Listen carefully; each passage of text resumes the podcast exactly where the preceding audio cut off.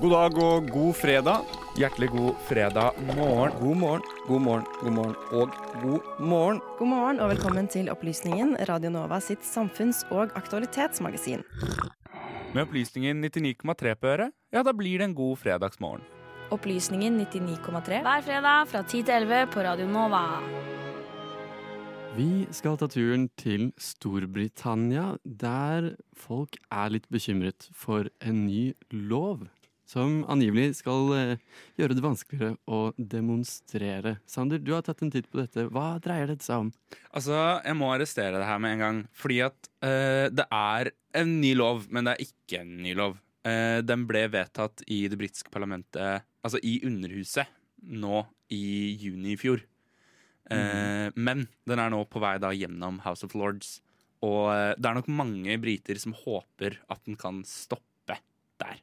Ja, for Storbritannia er jo tradisjonelt Vi liker jo å tenke på det som et demokratisk land, et liberalt demokrati. Er det reell eh, grunn til å frykte at dette kan gå i oppløsning? Jeg tror nok ikke vi skal frykte det at Storbritannia bryter ut i en eh, dystopisk, eh, postapokalyptisk, totalitært regime, Benjamin. Men er det grunn til å frykte? Mm. Så det er der stridens kjerne står, altså. Vi skal eh, høre ditt innslag eh, nå, tror jeg.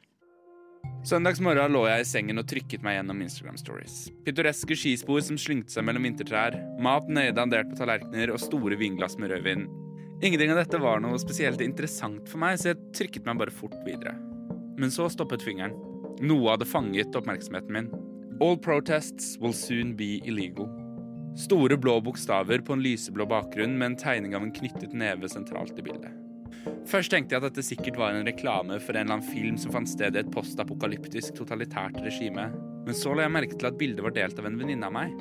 Fra Instagram-kontoen til Extinction Rebellion i London. Jeg trykket meg forundret inn på posten og leste beskrivelsen som nevnte et nytt lovforslag som nå er på vei gjennom House of Lords.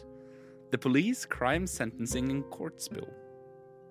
Men er det noe hold i Extinction Rebellions påstand om at protester snart er ulovlig? Du gjetter riktig. Vi skal undersøke britisk lovverk. Det 300 sider lange lovforslaget er fremsatt av Johnsons regjering med innenriksminister Priti Patel i spissen. Og enkelt forklart er det snakk om en overhaling av lovgivningen for politi, strafferett og straffutmåling. Blant paragrafene i loven finner vi forslag om livstid i fengsel uten muligheter for prøveløslatelse for overlagt drap mot barn, mulig livstid i fengsel for drap i trafikken og polititilgang til private utdannings- og helsejournaler. Men det er jo ikke dette det skal handle om nå. Spørsmålet i denne saken handler jo om demonstrasjoner. Så hvilke endringer skjer her? De britiske lovene for demonstrasjoner er i dag svært like de norske. Politiet kan stanse massedemonstrasjoner dersom det gjøres for å unngå uorden, skade, forstyrrelser eller trusler. Det nye lovforslaget utvider derimot politiets makt til å gripe inn i demonstrasjoner. Og i lovforslaget får politiet også rett til å stanse stillestående demonstrasjoner og demonstrasjoner gjennomført av enkeltpersoner. Besøkte du London for to år siden, før Storbritannia trådte ut av EU, kunne du ofte se enkeltpersoner stå i områdene rundt det britiske parlamentet, enkelte med britiske flagg og plakater med påskriften We Voted Leave, andre med EU-flagg og slagord i motsatt retning. Tidligere har altså ikke politiet hatt makt til å stanse disse demonstrasjonene, men den nye politiloven gir politiet makt til å gjøre nettopp dette. Politiet får i tillegg makten til å stanse demonstrasjoner dersom de er for høylytte. Men hva definerer en høylytt demonstrasjon? Man tenker kanskje at her er det fastsatte konkrete regler for dette, f.eks. at en demonstrasjon som overgår 120 desibel, like høyt som en gjennomsnittlig fotballkamp, er for høylytt. Lovforslagets definisjon av høylytt er derimot mindre objektiv. De definerer en høylytt demonstrasjon som en demonstrasjon som citat, may result in serious disruption to the activities of an organization. Citat slutt. Dette er ganske vagt. Dersom en russebuss stanser utenfor kontoret her og spiller høy musikk i 24 timer, kan jo det regnes som en seriøs forstyrrelse. Men kan det samme sies dersom et korps marsjerer forbi? Dette krever med andre ord en definisjon av hva som er en seriøs forstyrrelse. Og loven bidrar med dette i en viss grad. Den gir nemlig innenriksministeren lov til å definere akkurat hva som er en seriøs forstyrrelse. Griper politiet inn i en demonstrasjon fordi de mener den er for høylytt, kan innenriksministeren gå ut og si seg enten enig eller uenig i påstanden fra politiet. Dette høres kanskje litt rart ut, og tidligere statsminister Theresa May kritiserte akkurat dette under den andre gjennomlesningen av loven i parlamentet i mars i fjor. It's tempting with Home Secretary to think that giving powers to the Home Secretary is very reasonable because we all think we're reasonable. But actually, future Home Secretaries may not be so reasonable.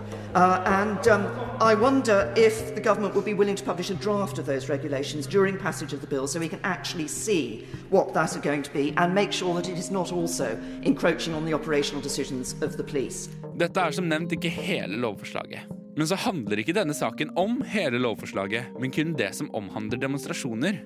Og denne delen av lovforslaget er også den som har høstet hardest kritikk. Kill the Bill-protester har blitt avholdt flere steder i landet. Opposisjonspolitikere har vært ute og kritiserte, og David Blanket, kommentator i The Guardian, omtalte loven som en antidemonstrasjonslov som fikk Storbritannia til å se ut som Putins Russland. Så hva har regjeringen å si til sitt forsvar? Til stor overraskelse ingenting. Politiets økte makt i demonstrasjoner har vært lite omtalt av regjeringen. De har fokusert på et annet moment ved denne lovgivningen. Under den andre lesningen av lovforslaget startet Pretty Patel innlegget hennes på denne måten. With permission, Mr. Speaker, I would like to make a statement on Sarah Everard and the events of Saturday evening. I would like to begin by saying that my thoughts and prayers with Sarah's family and friends at this unbearable time. Her refererer innenriksministeren til kidnappingen, voldtekten og drapet på Sarah Everard i mars 2021. Og dette gjenspeiler nemlig det som har vært hovedforsvaret fra regjeringen, at den beskytter kvinner. The fundamental issue that we have to address is that women must feel that when uh, they make serious complaints, uh, that they are properly heard and properly addressed. And we're going to make sure that that happens. Det er viktig for meg å understreke at dette i og for seg er sant. Lovforslaget øker minimumsstraffen ved grove forbrytelser som voldtekt fra halvparten av straffen til to tredjedeler av straffen. Altså må man minimum sone lenger etter loven enn før. Og dette er viktig lovgivning. 2021 var det året i England med flest voldtekter, men dette utgjør en relativt liten del av loven, noe Keir Starmer ikke lot gå upåaktet hen. Mr. Speaker, I'll come to last night's bill later, but it did say a lot more about protecting statues than it did about protecting women. Dermed blir det et tankekors at regjeringen i svært liten grad forsvarer de andre aspektene ved lovforslaget og legger alt fokuset over på voldtekt. Og dette bringer oss tilbake til Extinction Rebellions påstand All protests will soon be illegal. Jeg skal unngå å svare på hvorvidt det er et faktum at demonstrasjoner blir de facto ulovlige. Derimot er det helt klart at politiet får større makt til å gripe inn ved demonstrasjoner, og dermed blir det vanskelig å avholde dem. Og som Theresa May sier I absolutely accept that the police have got certain challenges, for example, when people glue themselves to vehicles or the gates of, of Parliament. But freedom of speech is an important right in our democracy.